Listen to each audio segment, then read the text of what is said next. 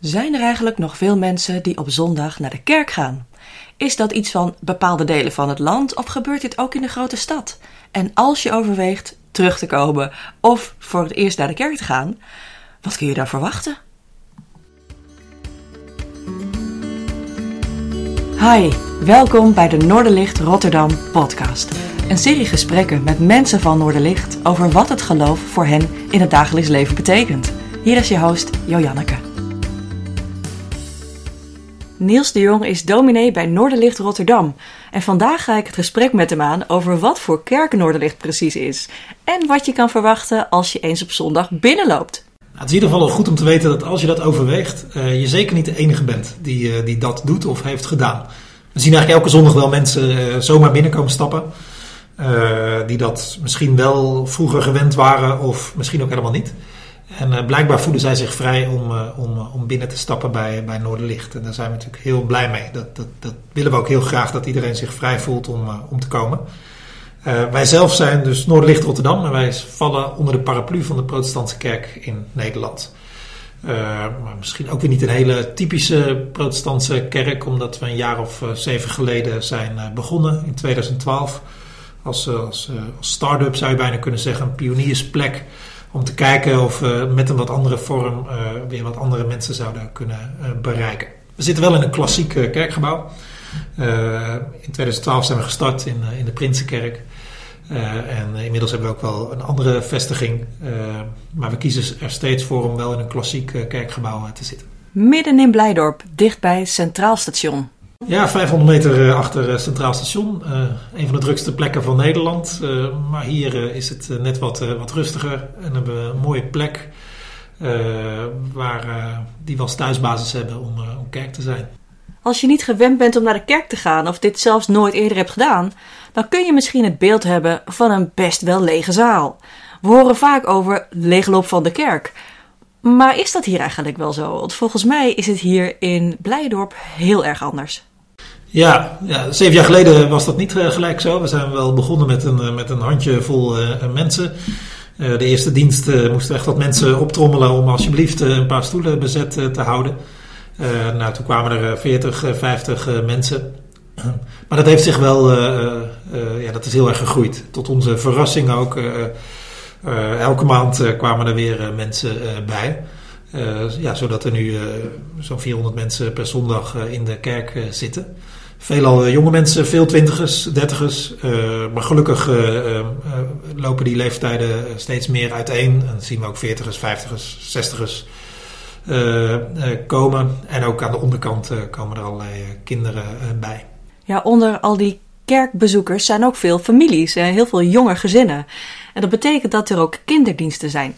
Ja, die hebben een apart programma uh, voor verschillende groepen. Uh, ook dat is gegroeid. Eerst hadden we één klein groepje waar uh, van 0 tot 10 bij elkaar zat. maar nu is de oppas voor de allerjongste een, een programma voor 4 tot en met 8 jaar. En ook voor de kinderen van 9 plus is er iets tijdens de dienst. Ik ben zelf gaan kijken op zondag en het viel me op dat er ongeveer 400 mensen in de zaal zitten. Echt een volle bak. Niels vertelt me dat er nog wel een paar mensen bij kunnen, maar ook dat er een andere vestiging is in de Oranjekerk. Om het niet allemaal zo anoniem te laten zijn, want Noorderlicht groeit wel echt snel. En ik vraag me ook af hoe het zit met die mensen die nu voor het eerst de drempel overstappen. Weten die het nu, waar ze in geloven? Uh, sommigen wel, uh, sommigen niet. Uh, sommigen hebben, zijn misschien ook christelijk opgevoed, zijn van jongs aan daarmee bezig geweest, zijn misschien ook nooit weg geweest. En zijn in Rotterdam beland voor studiewerk en hebben een kerk gezocht en zijn bij Noorderlicht uh, uitgekomen. Uh, maar we hebben ook allerlei mensen die niet zo'n zo'n geleidelijke weg of zo'n vanzelfsprekende weg hebben gegaan. voor wie geloven juist iets ingewikkelds is geworden misschien. Of waar ze gewoon niet, wat ze niet meer weten of niet zo goed meer weten.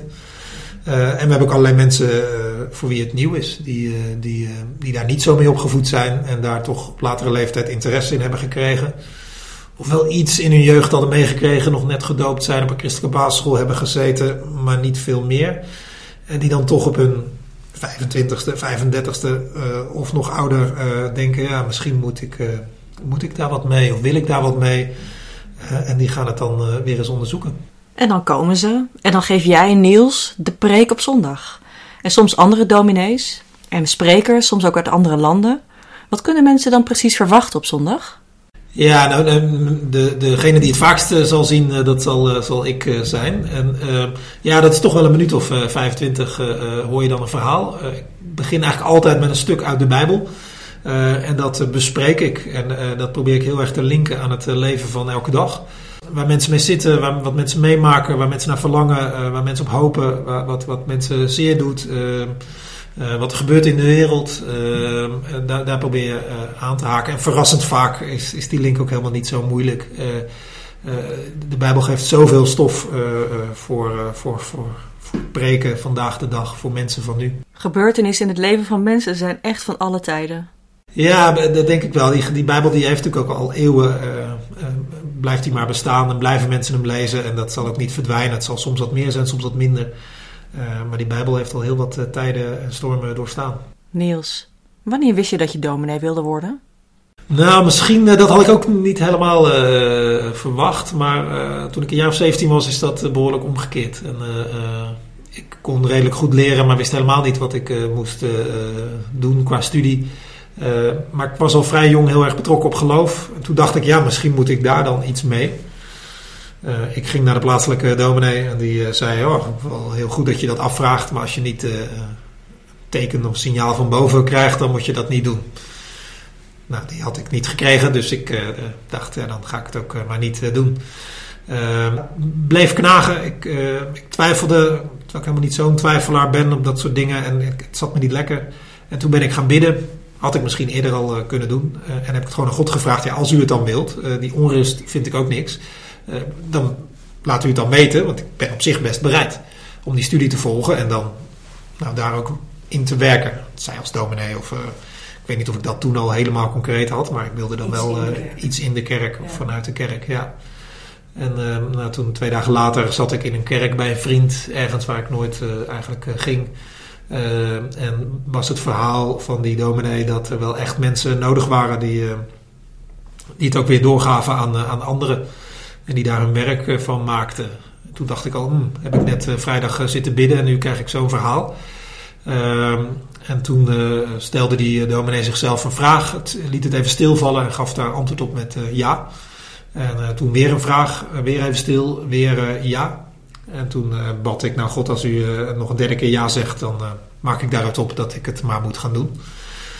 dus nou, een minuut later of een paar zinnen later weer een vraag, weer even stil en weer ja.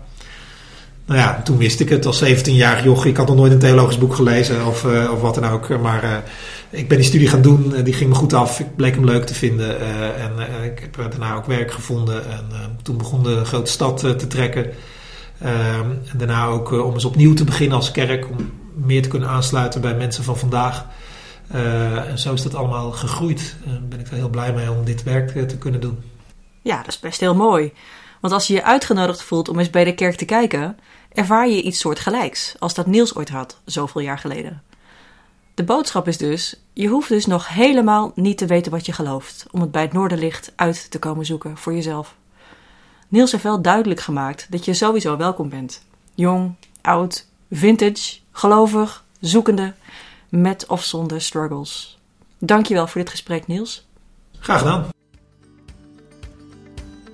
Dank je voor het luisteren naar de Noorderlicht Rotterdam podcast. Je kunt de afleveringen onder andere beluisteren op noorderlichtrotterdam.nl. Heb je een vraag die je graag in de podcast beantwoord zou willen horen? Stel deze dan via e-mail op de website. Of fiets even langs bij de kerk en geef het door. Wie weet beantwoordt de volgende aflevering dan jouw vraag. Je bent van harte welkom. Tot de volgende keer.